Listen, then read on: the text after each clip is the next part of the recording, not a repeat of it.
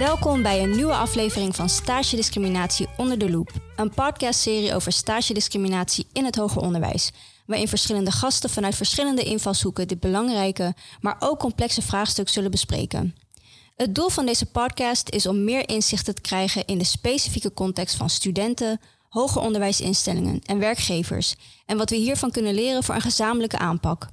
Mijn naam is Pravini Baburam en ik ben de host van deze podcast. En in deze aflevering ga ik met twee gasten in gesprek over stagediscriminatie in de bredere context van kansenongelijkheid in Nederland. Dat doe ik met Maurice Krul, bijzonder hoogleraar sociologie aan de Vrije Universiteit Amsterdam.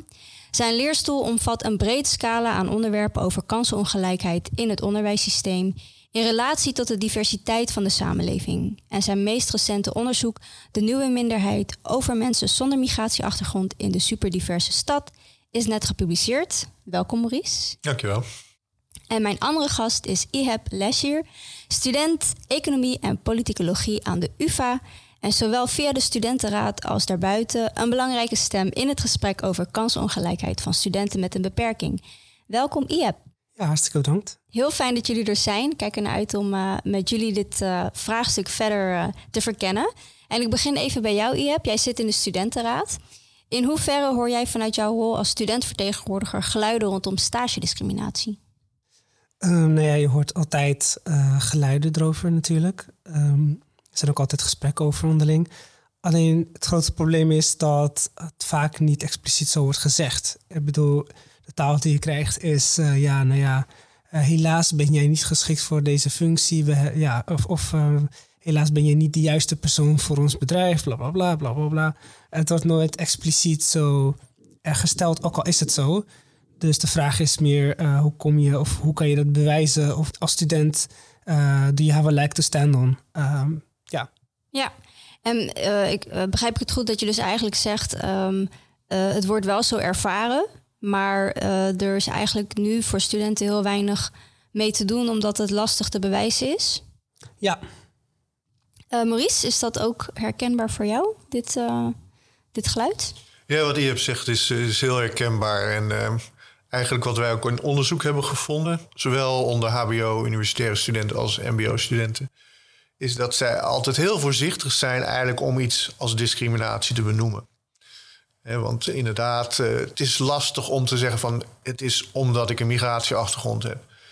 Het is omdat ik een beperking heb uh, dat, uh, dat ze mij niet hebben uitgenodigd of dat ik afgevallen ben in het sollicitatieproces. Dus eigenlijk zijn mensen eigenlijk heel voorzichtig, terwijl de cijfers laten zien dat het wel degelijk gebeurt. Ja, misschien om even die cijfers in te duiken en wat dieper in te gaan op jouw onderzoek.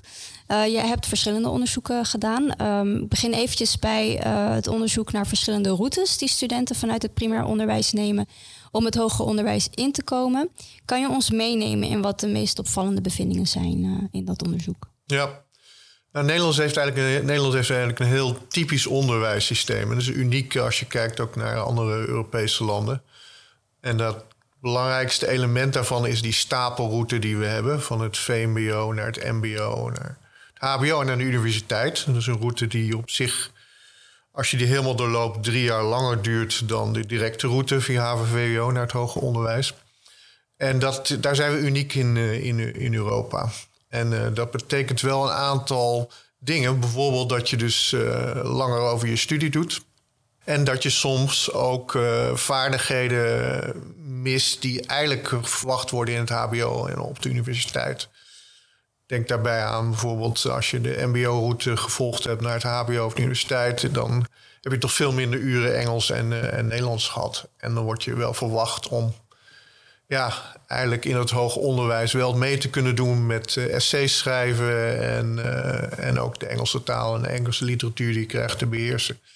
Dus we hebben wel die routes, maar we faciliteren eigenlijk de studenten niet om die succesvol te doorlopen. En dat is natuurlijk ook een hele interessante om in het licht dan van stagediscriminatie te bekijken. Want ik kan me voorstellen dat je dan wordt afgewezen op competenties waar je eigenlijk nooit de kans voor hebt gehad om die te ontwikkelen. Precies, ja. En dat is waar kansenongelijkheid dan... Dan begint. Ja, precies. Oké. Okay.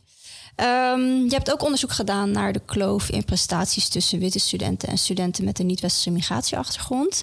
Dat is natuurlijk ook uh, vaak uh, een, een, gevoelig onderwerp. Hè, dat, um, dat daar ook um, nou ja, verschillen in zitten die we natuurlijk niet willen, omdat iedereen in principe gelijke ja. kans zou moeten hebben. Kan je daar misschien wat meer over delen? Ja, nou ja, dat, dat gaat echt inderdaad over dit vraagstuk van, uh, van de instellingen.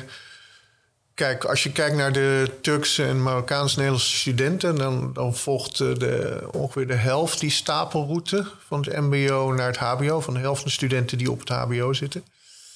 Uh, dus dat is een hele grote groep. En het is eigenlijk een, ook echt een, een normale route geworden. Dus je zou hopen dat instellingen dan ook die route faciliteren. En, en dat zit aan de ene kant aan het MBO dan, om dat goed te faciliteren over de dingen die ik net noemde. Maar de andere kant ook om het HBO en de universiteit om rekening te houden dat de studenten die binnenkomen misschien op bepaalde aspecten, vaardigheden, extra ondersteuning nodig hebben. Dus we hebben die route wel, maar eigenlijk de instellingen die gedragen zich natuurlijk niet na dat die route bestaat voor die studenten. Ja. En dan zie je dat dus, uh, dat leidt tot studievertraging en ook hogere uitval onder deze studenten. En dan wordt de vinger naar die studenten gewezen, en met name de studenten met een migratieachtergrond, omdat die veel al die route doorlopen, maar ook studenten zonder migratieachtergrond van het MBO, die hebben diezelfde problemen. Dus het is iets wat op instellingsniveau aangepakt zou moeten worden. Ja.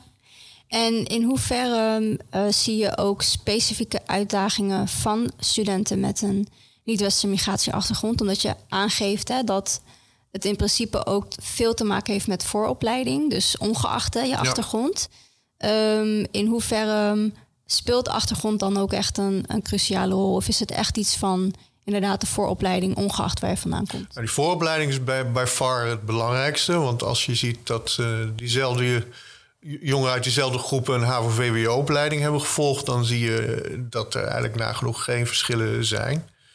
Zowel niet in uitval als in, in studievertraging. Er zijn natuurlijk wel bepaalde aspecten, maar die liggen meer op sociaal-economisch gebied. je ziet dat uh, studenten vaker uh, naast de studie moeten werken, omdat er gewoon een economische noodzakelijkheid is om te werken, of omdat ze meer zorgtaken hebben.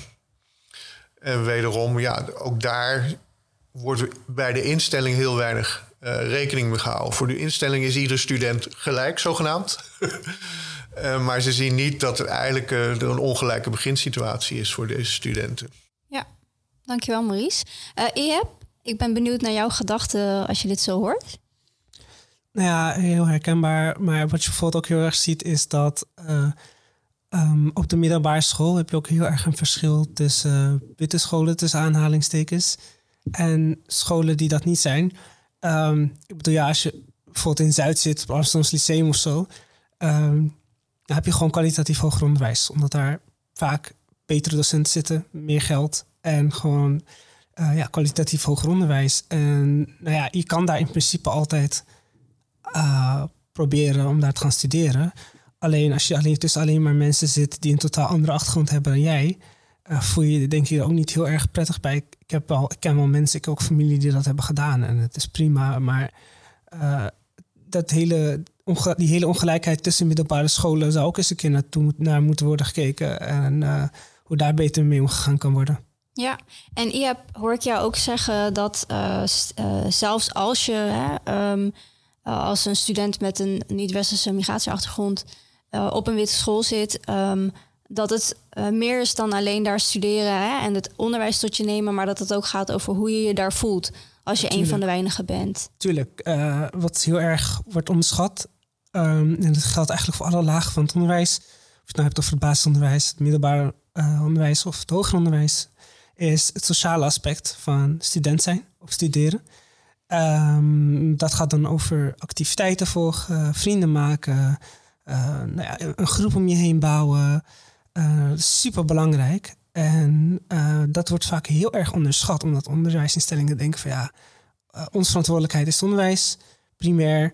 Maar wat dan niet over wordt nagedacht is dat als je geen goed, gezond sociaal milieu om je heen hebt, hoe kun je je dan focussen op het onderwijs? Ja, dat is eigenlijk ook hè, wat, we, wat, wat vaak sense of belonging wordt genoemd, als ik, als ik het goed heb. Kijk ook even naar jou, Maurice, omdat ik weet dat je daar ook onderzoek naar hebt gedaan.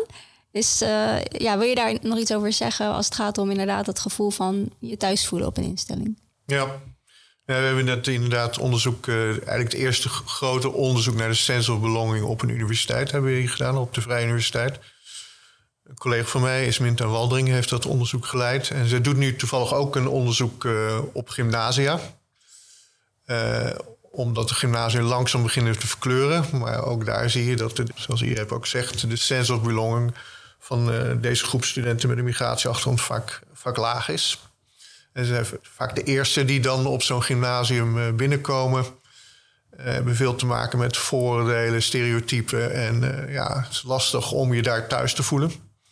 Dat was ook een van de redenen van de gymnasia om het onderzoek te laten doen. Omdat ze zien, er komen wel mensen binnen, maar gaan ook wel ook weer veel mensen weg. En dat is niet alleen om, zeg maar, omdat hun prestaties slecht zouden zijn, maar er is ook een heel duidelijk een sociaal aspect daarbij. Ja, Helder, dank jullie wel. Um, ik blijf nog even bij jou, uh, Maurice. Ook om even in te zoomen op het onderzoek wat je hebt gedaan naar stagediscriminatie in het MBO. Zijn er um, ja, opbrengsten waarvan je zegt, oh, dat zou heel erg um, relevant zijn ook voor het hoger onderwijs om van te leren? Ja, nou, we hebben een onderzoek gedaan met de SCO uh, naar stagediscriminatie in het MBO. En eerste opvallende van ons onderzoek was... we wilden zo kijken naar wat gaat er mis aan de kant van de werkgever... en wat uh, is er misschien uh, aan dingen die je kan doen uh, onder studenten... aan vaardigheden en, voorbereiding op een goede stageplek... en die, die ook te krijgen. En het eerste wat eigenlijk opviel, er gebeurt heel weinig aan de kant van de werkgever. We wilden eigenlijk een 50-50 projecten zoeken, werkgever en studenten en instellingen. En dat was eigenlijk niet mogelijk. Dus dat is al een hele belangrijke constatering. Dus de afgelopen jaren, ook in de projecten, als we hierover praten, dan gaan we de student proberen te fixen. Want die heeft niet de sociale vaardigheden, die kan zich misschien uh, niet goed presenteren in een gesprek, uh, noem maar op. Of heeft, uh, die moet weerbaar worden. Weerbaar worden. En ja, dan zie je dat, uh, dat er heel weinig aan de andere kant gebeurt. En je ziet eigenlijk linkje naar HBO en universiteit. Vaak het argument bij MBO-studenten, zeker uh, in de vorm van MBO 1 en 2, dan is, is natuurlijk vaak het argument: nou, dit zijn studenten die, bepaalde, die missen bepaalde vaardigheden. En die, die moet je die vaardigheden leren. Maar we zien eigenlijk dat stagediscriminatie ook op het HBO en de universiteit voorkomt. En dat zijn de beste studenten uit die gemeenschappen. Want die hebben alle hindernissen doorlopen. Uh, zijn doorzetters. Die lange route hebben ze gevolgd.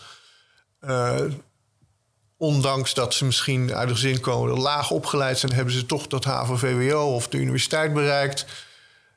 En ja, dan kan je niet meer zeggen van deze studenten die missen vaardigheden. En daaruit blijkt dat het grote probleem aan de andere kant ligt, bij de werkgevers. En daar doen we eigenlijk bijna nog niks aan. Wie hebt, wat zijn jouw gedachten hierover? Um, nou ja, ik ben zo eens dat de moeilijkste paarden de beste mensen maken. Um, maar wat ik bijvoorbeeld ook een keer heb gezien op de, op de UvA... is, uh, nou ja, op een gegeven moment, ik ben dus bijna klaar met één bachelor... en uh, ik wou me een beetje oriënteren op wat er allemaal mogelijk was...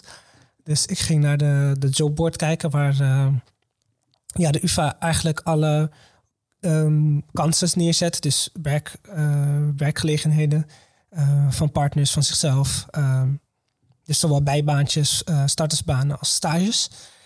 En um, nou ja, ik ben slechtziend. Dus ik ging gewoon kijken bij de filters. Wat is er allemaal? En tot mijn verbazing stond er een filter geschikt voor mensen met een functiebeperking.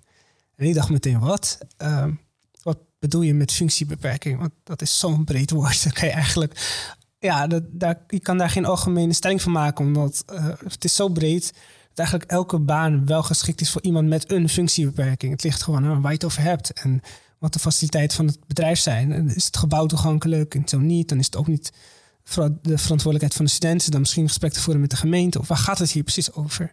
Uh, het is veel genuanceerder dan dat. Um, maar het filter stond wel. En er waren echt een stuk of 80 plus 90 vacatures die daar nee op hadden aangevinkt. En ik vind dat, ja, ik denk dat het best wel tekenend is voor uh, hoe mensen erin staan, ook al zeggen ze het niet zo. Ja, en misschien ook om even stil te staan, uh, ja, ook bij de terminologie, hè, functiebeperking. Ik weet ook dat er verschillende uh, belevingen zijn van, van termen als beperking, dat er andere termen zijn zoals ondersteuningsbehoefte. Hoe kijk jij daar zelf naar en welke terminologie um, ja, ook het meest sensitief is in de context van inclusie? het probleem is een beetje, iedereen heeft zo'n beetje zijn eigen terminologie die hij liever heeft. Zijn of haar trouwens, of them. Anyway, uh, iedereen heeft zijn eigen terminologie die het, beste, uh, die het beste erbij past. Dus dat is niet echt te generaliseren. Maar wat mij persoonlijk betreft, ik heb geen voorkeur omdat ja, ik vind sowieso het woord beperking een beetje onzin. Omdat ja, als je het zo bekijkt, iedereen heeft wel tussen aanhalingstekens een beperking. Niemand is perfect en uh, perfecte mens bestaat niet. Um, dus ja, als je het zo bekijkt, iedereen heeft wel iets. Um, alleen het, probleem is een beetje dat uh, als je het op die manier stelt, het is gewoon politiek verstandig om het woord beperking te blijven gebruiken.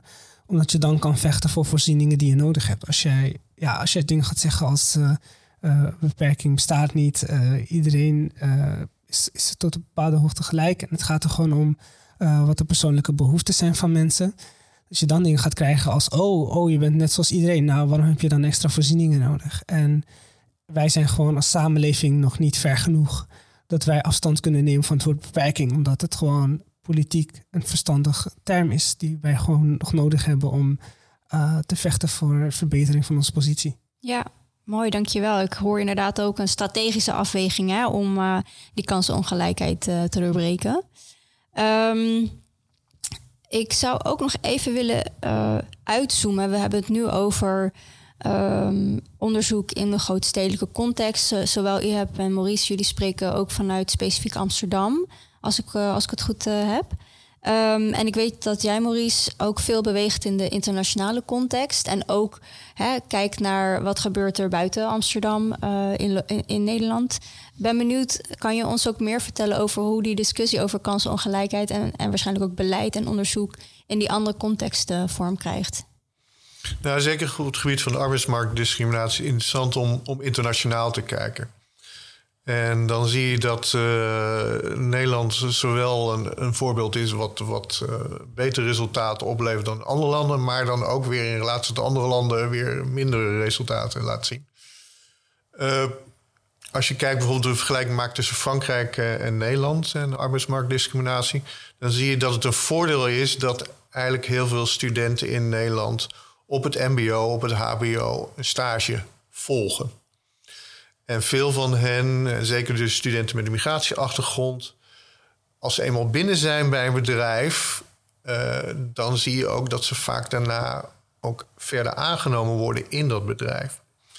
Dus die onbekendheid en de voordelen die gaan weg op het moment dat ze zien uh, die persoon die, die we nu hebben in de stage die, die functioneert goed, is een, is een prettige persoon om mee te werken. En dan wordt dat belangrijker dan dat hij een migratieachtergrond heeft. En in Frankrijk hebben ze dat soort stages niet en is de arbeidsmarktdiscriminatie dus ook groter. Maar kijken we bijvoorbeeld naar de Duitsstalige landen, dan zie je dat daar instellingen vaak verantwoordelijk zijn om ook te helpen uh, bij het vinden van een stage. En dat is natuurlijk al heel lang in Nederland eh, in discussie. Eh, is het, eh, is het de verantwoordelijkheid van de student om een eigen stageplek te vinden of moet de instelling daarbij helpen? En aan de voorbeeld van die Duitsstalige landen zie je dat stagediscriminatie veel minder voorkomt als de instellingen daar ook verantwoordelijk voor zijn. En dat, dat woordje verantwoordelijk is heel erg belangrijk. Want op dat moment moeten zij gewoon zorgen dat iedere student een stageplek heeft. En nu schuift de instelling vaak die verantwoordelijkheid terug naar de student. Dus in die zin kunnen we wel wat leren van de Duitsstalige landen om die verantwoordelijkheid van de instellingen te vergroten. Ja, mooi. Ik denk dat dat heel erg uh, inzichtelijk is, hè? dat de instelling daar gewoon ook een rol kan pakken. En ja. wat je zegt, dat verantwoordelijkheid key is. Um, hoe kijk jij naar uh, de contexten buiten Amsterdam in Nederland als het gaat om dit vraagstuk? Hoe daarmee wordt omgegaan en wat zijn factoren waar we rekening mee moeten houden? Ja, nou, ik denk wel dat het natuurlijk uh, een verschil is tussen de grote steden en uh, buiten de randstad.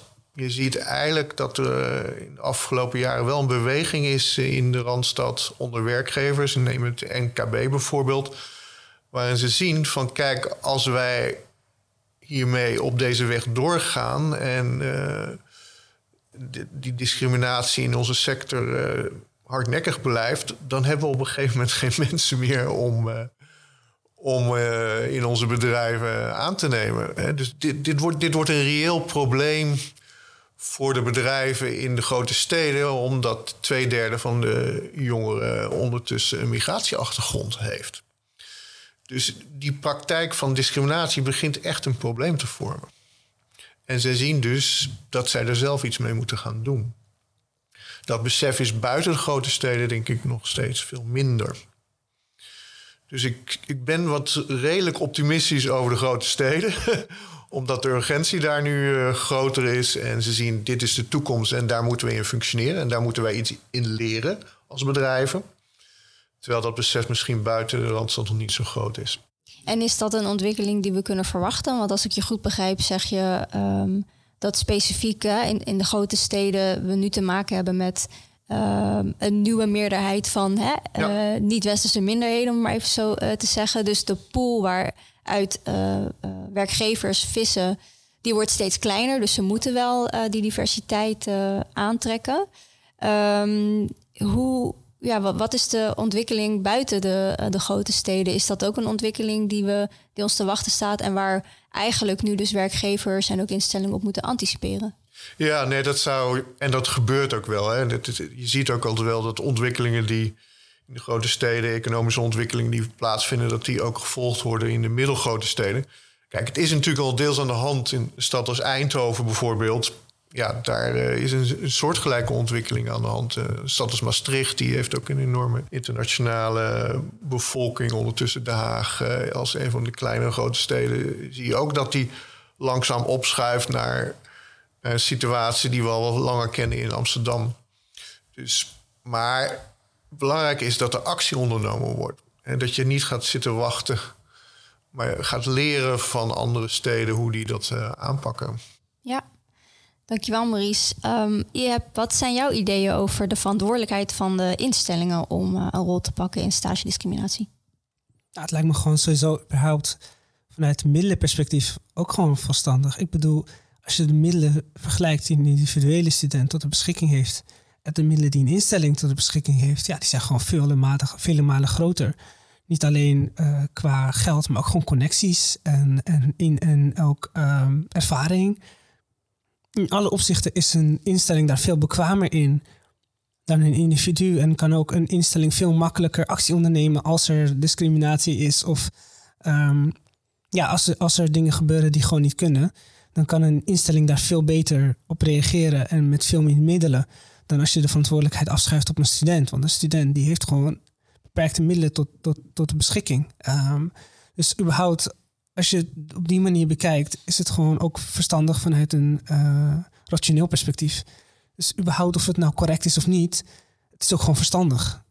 Ja, je hebt het over hè, dat uh, instellingen meer middelen hebben, meer ervaring en dus ook meer uh, kunnen, kunnen doen. En tegelijkertijd horen we dat juist veel professionals ook binnen die instellingen zich handelingsverlegen voelen hè, als het gaat om stagediscriminatie. Dus ik ben ook wel benieuwd, Iep, wat zijn jouw gedachten over uh, de mogelijkheden die uh, ja, onderwijsprofessionals kunnen pakken? En misschien ook, ja, waar kunnen ze dan in groeien of wat moeten ze gaan ontwikkelen om een rol te kunnen pakken in, uh, tegen stagediscriminatie? Um, ik denk heel erg sowieso ervoor zorgen dat je diverse professionals hebt. A, dus dat je professional, je pool daarin divers is qua achtergrond, qua ervaringen.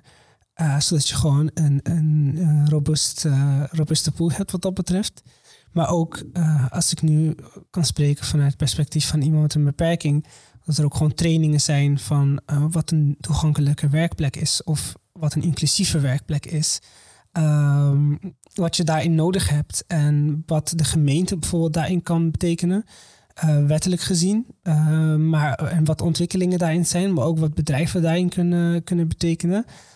En wat de onderwijsinstellingen daarin kunnen be, uh, betekenen, is dat de instellingen zich heel erg, zichzelf heel erg bewust gaan maken van de middelen die zij tot hun beschikking hebben, maar ook waar ze bijvoorbeeld op de gemeente, waar ze van, van de gemeente op kunnen rekenen. En waar ze vanuit de bedrijven op kunnen rekenen. En dat er gewoon een soort van driehoek daar ontstaat. Waarin de gemeente, de werkgevers en in, uh, onderwijsinstellingen um, met elkaar samenwerken aan toegankelijke en inclusieve werkplekken. En ik denk dat je op die manier het veel robuuster maakt. Ja, dus ik hoor een stukje sowieso bewustwording. Hè? Wat betekent het om een inclusieve leeromgeving en werkplekken te kunnen creëren? En dus ook de vertaalslag te kunnen maken van kennis naar hè, concrete strategieën of interventies die studenten kunnen helpen. Um, ik ben ook wel benieuwd uh, als we het hebben over um, uh, nou, deze ontwikkelingen. Dan, dan zie ik ook wel echt de link met het grotere vraagstuk hè, van diversiteit en inclusie. want je hebt je noemt divers personeel, dus dat is een HR-vraagstuk, een, een sociaal veilige omgeving, waarin studenten natuurlijk ook het kunnen, bespreekbaar kunnen maken als ze stage discriminatie ervaren. Um, ik ben ook wel benieuwd naar ja, zowel uh, en Maurice, um, jullie perspectief. Um, ja, hoe, hoe diversiteit en inclusie nu linkt aan het aspect van stage discriminatie. En kijk eventjes wie, wie als eerste daar wil reageren. Ja, ik ben, ik ben het heel erg eens met IHEB. je moet eigenlijk eerst je eigen huis op orde hebben voordat je eigenlijk iets anders kan gaan doen. En dat huis is niet op orde. Um, we hebben een tijdje terug hier ook de vuur onderzoek gedaan uh, naar representatie. Dan zie je dat 15% van de studenten heeft een migratieachtergrond, is in Nederland geboren. Dus dat is een heel specifieke groep, tweede generatie. En 1,4% van onze wetenschappelijke staf staat uit die groep. Dus we hebben die studenten binnen. Het is niet een bedrijf wat moet gaan zoeken naar mensen uit die groep om aangenomen te worden. En dat geeft dus wel een beetje aan dat het hier niet op orde is. Als die studenten niet kunnen doorstromen, nou, als studentassistent, als, uh, als PhD-student, als postdoc naar onze staf, dan moeten we dat eerst op orde hebben. En dat betekent ook dat we voornamelijk een witte staf hebben. En dat is wat hier ook zegt van ja moet die witte staf dan die diverse studentenpopulatie helpen aan een uh, stageplek uh, buiten de universiteit. Terwijl ze eigenlijk zelf ook niet die studenten die kansen bieden om binnen de universiteit uh, als werkgever die kansen te bieden. Dus dat geeft ook een beetje aan waar de uitdaging ligt. En dit is niet uniek voor de Vrije Universiteit. Dit zien we ook bij de UvA, ook bij de HVA, ook bij in Holland. Uh, waar soms al uh, tien jaar diversiteitsbeleid wordt gevoerd en die cijfers die gaan niet omhoog. En dat geeft ook een beetje de hardnekkigheid van dit vraagstuk uh, aan. Ja, helder. Je hebt? Ja, het zit heel erg diep geworteld. Ik bedoel, ik heb zowel verhalen vanuit het perspectief van iemand met een beperking als iemand van een niet-westerse achtergrond. Waarin gewoon tijdens mijn onderwijsproces, ja, gewoon dingen zijn gezegd waarvan ik denk, dit is niet oké. Okay. Um, ja, bijvoorbeeld dingen als, uh, nou ja, misschien is uh, met jouw beperking uh, deze studie niet voor jou. Terwijl ze gewoon wettelijk verplicht zijn om mij aan te nemen. Je mag helemaal niet uitsluiten op basis van beperking. Natuurlijk is er altijd een discussie van welke middelen kunnen wij aanbieden, ja of nee. Maar eigenlijk zou daar ook veel meer een discussie in moeten komen dan met de overheid of met de gemeente, wat daar meer in te faciliteren valt. In plaats van dat je meteen de deur dichtgooit. Um, maar zelfs dan is dat gewoon niet de manier waarop je met elkaar communiceert. En ik heb het gewoon zelfs ook als studentenraadslid ervaren dat mensen gewoon dat soort dingen zeggen. Niet alleen persoonlijk, gewoon tijdens het volgen van mijn studie. En uh, ik had een keer, uh, ik begon dus um, ooit als student fiscale economie. En um, nou ja, de opleidingsdirecteur, of nou, degene die de die leiding gaf van de bacheloropleiding destijds, die gaf mij een hoorcollege. En ik, ik stak mijn hand op om hem een vraag te stellen. En toen zei hij, ja jongen uit Syrië, en ik dacht echt van, wat is dit? Ten eerste, ik kom uit Marokko, niet uit Syrië. En ten tweede, uh, waar, waarom krijg ik deze vraag? En misschien is dit niet direct relevant aan stage, maar het geeft wel het, beetje het, probleem weer. dat er heel erg binnen de staf, die, dat die gewoon niet divers is. En buiten diversiteit, dat die ook gewoon niet bewust is hoe je op een normale manier met elkaar communiceert. En zolang daar geen trainingen in zijn, zolang daar geen bewustwording in komt, dan dat trikkelt allemaal door. Dus dit, als je dan bijvoorbeeld gaat zoeken naar een stage, en stel je voor, we zouden nu de verantwoordelijkheid leggen bij de instellingen, zonder dat daar ook binnen de staf andere uh, veranderingen plaatsvinden, dan krijg je gewoon precies hetzelfde uh, onbewuste beeld. En daarom moet dat gewoon met elkaar gepaard gaan. Ja. ja, het doet me ook heel erg denken aan eigenlijk de, um, de drempels die studenten volgens mij ook ervaren om het überhaupt te melden als ze stage discriminatie um, ervaren. Um, en um, ja, als je dan inderdaad uh, een docent hebt die dit soort opmerkingen maakt. Uh, en er een omgeving is waarin dat ook niet um, ja, ter discussie wordt gesteld. Hè, dat die interactie tussen een docent en een student op deze manier plaatsvindt. Kan ik me ook best voorstellen dat studenten zich eigenlijk ook niet veilig genoeg voelen om het te melden als ze het ervaren. Ik ben ook wel benieuwd wat jullie gedachten erover zijn. Of jullie daar ook signalen over opvangen. Dat het dus wel wordt ervaren, maar dat ze, studenten zich niet veilig genoeg voelen om het te melden. Oké, naar wie kijken we nu? Uh, ik kijk naar jullie beiden, maar laat ook vooral de stilte even om je gedachten te vormen als je die nodig hebt. Volgens mij heb je er wel iets op te zeggen, toch? ja, ik, nou, ik heb altijd al wat te zeggen. Ja, maar, je hebt um, geen gang. Um, nou ja, gewoon persoonlijk. Um, het is nu beginnen er steeds meer manieren te komen om dingen te melden. Maar destijds was er ook geen plek om het te melden. Um, ik bedoel, ik heb het toen destijds tegen mijn studieadviseur gezegd. En die zei van ja, nou ja, dat is gewoon iets dat wij kunnen doen. En ik weet niet hoe dat nu zit, omdat nou, ik volg die studie niet meer. En um, ik ben ondertussen, nou ja, ik weet niet hoe dat nu, nu in elkaar zit. Ik denk dat er nog steeds qua meldingen meer te doen is. Maar uh, destijds was er niet eens een plek en nu is er een plek. Maar de vraag is nu, um, is die plek goed? Komen studenten daar naartoe en, uh, uh, en voelen, die, zich die, voelen studenten zich veilig om dat te doen? En ik denk dat Maurice daar een beter antwoord op heeft dan ik. Kan je daar iets nee, over zeggen, Maurice? Ik heb hetzelfde antwoord op. Ik denk dat het woord discriminatie is in Nederlands heel erg ingewikkeld. En dus daar, daar heerst altijd, en zeker in een werksfeer, altijd een soort van taboe. Als mensen zeggen van ik voel me gediscrimineerd, dan, dan schiet de, partij die wordt aangevallen meteen in een enorme kramp. En daardoor denk ik ook dat, dat hoe wij het hebben ingericht om melding te maken van discriminatie altijd heel erg uh, onderzichtig is geweest. We zijn er nu bij de VU wel echt stappen aan het uh, nemen om dat anders te doen. Om ook gewoon meer rugbaarheid te geven, dat je kan, melding kan doen van discriminatie. Maar dan nog zijn eigenlijk de procedures heel erg beperkt. Ook als het om personeel gaat wat een melding maakt van discriminatie, dan is eigenlijk toch de route via vertrouwenspersoon vooral mensen moeten gaan praten met elkaar, moeten het uitpraten. Er zal wel een misverstand zijn. Het gaat altijd over incidenten en nooit over een structureel uh, vraagstuk binnen een afdeling. En vervolgens is het eigenlijk weer de bedoeling dat die twee collega's weer als vrienden met elkaar doorgaan. En als de persoon die gediscrimineerd is dat niet als zodanig voelt, dan wordt die persoon het probleem. Omdat we geen formele procedures hebben. En ook dus ook mensen die dit doen eigenlijk niet ter verantwoording roepen. En als je naar Amerika kijkt bijvoorbeeld, dan zijn er hele duidelijke procedures. En dan zie je ook wel dat dat tot ander gedrag leidt omdat mensen dan begrijpen, oké, als ik dit doe, dan heeft dit consequenties.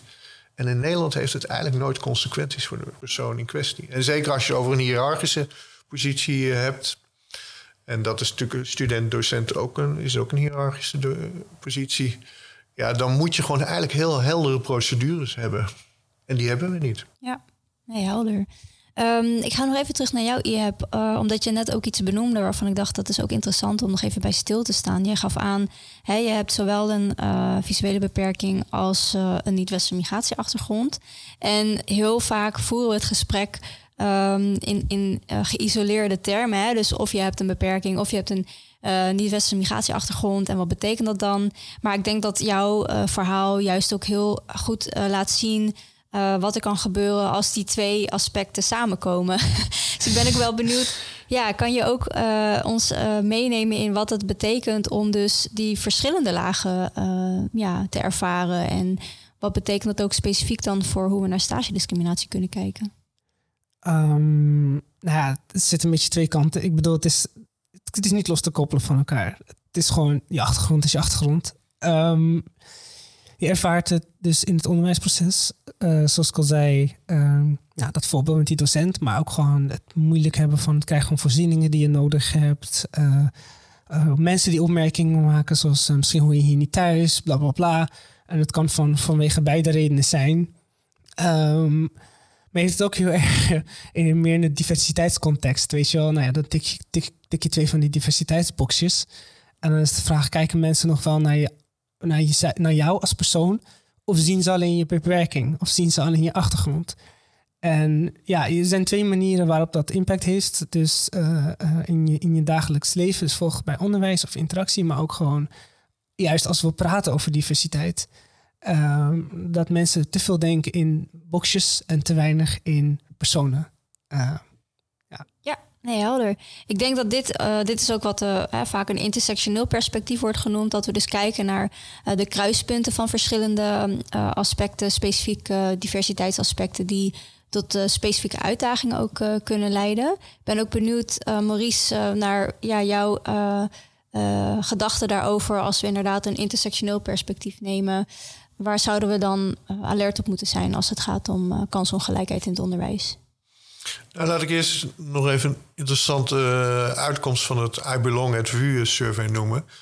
We hadden daar inderdaad een intersectioneel perspectief. Dus we vroegen naar, behoor je tot een bepaalde minderheidsgroep? En, en we zagen eigenlijk tot hoe meer mindergroepen mensen behoorden, hoe meer ze ook bewust waren van wat diversiteit betekende. En het belang daarvan ook onder, onderstreepte. Dus het is wel, je ziet wel, ook al ben je zeg maar uh, op één minderheidsgroep, uh, dan, dan zie je toch dat dat bewustzijn al groter is als dat je tot alle meerderheidsgroepen behoort. Je bent een man, je bent wit, je bent van Nederlandse afkomst, je bent heteroseksueel. Uh, dat, dat was de groep die eigenlijk het minst eigenlijk begreep wat, wat diversiteit en inclusie inhield. Omdat ze er eigenlijk zelf niet als een persoonlijke ervaring bij hadden. En dat is denk ik wel een belangrijk aspect. Als je natuurlijk al die minderheidsgroepen bij elkaar neemt, ook onder de studenten, vormen zij natuurlijk wel de meerderheid.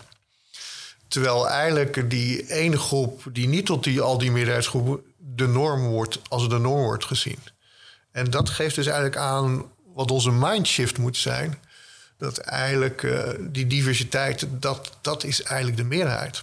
Ja, en als ik je goed begrijp, zeg je dus ook hoe meer um, aspecten van die diversiteitsdimensies je eigenlijk met je meedraagt, ja. hoe, hoe, hoe meer je wordt geconfronteerd hè, met die ongelijkheid en, en hoe ja, sterker maar ook dat hoe meer je je bewust bent dat Ja. andere vormen van minderheid, eh, groepen, dat dat ook weer, je bent meer bewust dat dat ook bepaalde vormen van uitsluiting geeft. Dus het, het, eh, Je bent sensitiever in, in je bent sensitiever omdat je het zelf meegemaakt hebt op jouw eh, bepaalde minderheidsgroep eh, kenmerk. Ja. Helder, dank jullie wel. Uh, we moeten zo toe naar afronding uh, van deze aflevering. Maar voordat we dat doen, zijn er nog dingen die jullie um, aan de luisteraars willen meegeven als het gaat om uh, kansongelijkheid in het onderwijs? En dan begin ik even bij jou, Iep.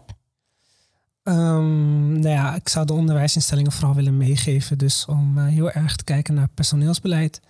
Uh, diversiteit binnen het personeelsbeleid. Ook vooral, en vooral trainingen binnen het uh, personeelsbeleid. En die trainingen moeten ook gewicht hebben. Dus niet een, een, een training die dan één keer is opgezet en die niet verplicht is, waar dan vervolgens twee mensen komen opdagen die interesse hebben in kansongelijkheid. Nee, het moet wel echt een, een belangrijk onderwerp zijn, waar gewoon mensen komen en mensen. Nou ja, ik weet niet of je het verplicht moet maken. Ik, ik vind zelf van wel. Uh, maar goed, daar kan nog discussie over zijn. Maar je moet het wel echt zorgen dat het gewicht heeft en dat de mensen die eigenlijk het meest bij die training moeten zijn, dat die er ook zijn. Um, en dan vanuit uh, de studenten um, zou ik heel erg, um, en dit geldt eigenlijk niet alleen voor studenten, maar voor iedereen vanuit minderheidsgroepen, om gewoon elkaar te ondersteunen, uh, er voor elkaar te zijn en er gewoon voor zorgen dat we met elkaar kunnen zijn wie we willen zijn. En dat we elkaar accepteren voor wie we zijn. En er met elkaar voor zorgen dat wij een inclusievere samenleving kunnen creëren. Ja, mooi. Dus ik hoor ook echt een call to action voor instellingen om hun professionals, hun onderwijsprofessionals ook echt mee te nemen in een proces van bewustwording. Dat het niet vrijblijvend mag zijn. En ook een uh, oproep aan studenten om ook echt een community voor elkaar te vormen, om uh, elkaar te ondersteunen ook uh, in de uitdagingen die, die ja, jullie ervaren. Mijn uitsluiting is iemand anders uitsluiting en iemand anders uitsluiting is mijn uitsluiting. Ja. Ik denk dat dat de mindset moet zijn. Ja, ja we zijn allemaal verbonden met elkaar. Ja, mooi. Maurice? Ja, ik, ik uh, zit alweer uh, geruime tijd ook uh, in het beleid, beleidsvorming rond dit onderwerp. en ik heb niet zo heel veel fiducie in de, wat instellingen op dit gebied doen. er wordt heel veel gepraat, er worden heel veel notas geschreven. Maar in de praktijk verandert er heel erg weinig. Dus ik denk dat de verandering echt van onderop moet komen. En de helft van de studenten hier op de VU heeft een migratieachtergrond nu dat is een uh, machtige beweging. Als die elkaar vinden en druk gaan uitoefenen. En dat zie je nu bij bepaalde studies. Vragen ze om veranderingen in het curriculum. Uh, ze zeggen van, hé, hey, het is wel heel erg wit, onze docenten. Er moet verandering in komen. We zien op de werkvloer dat er nu meer PhD-studenten en postdocs zijn met een migratieachtergrond. En zien dat ze niet doorstromen naar de vaste functies. Je ziet dat die mensen zich eh, gaan uitspreken. Er zal een hoop conflict komen in de komende tijd.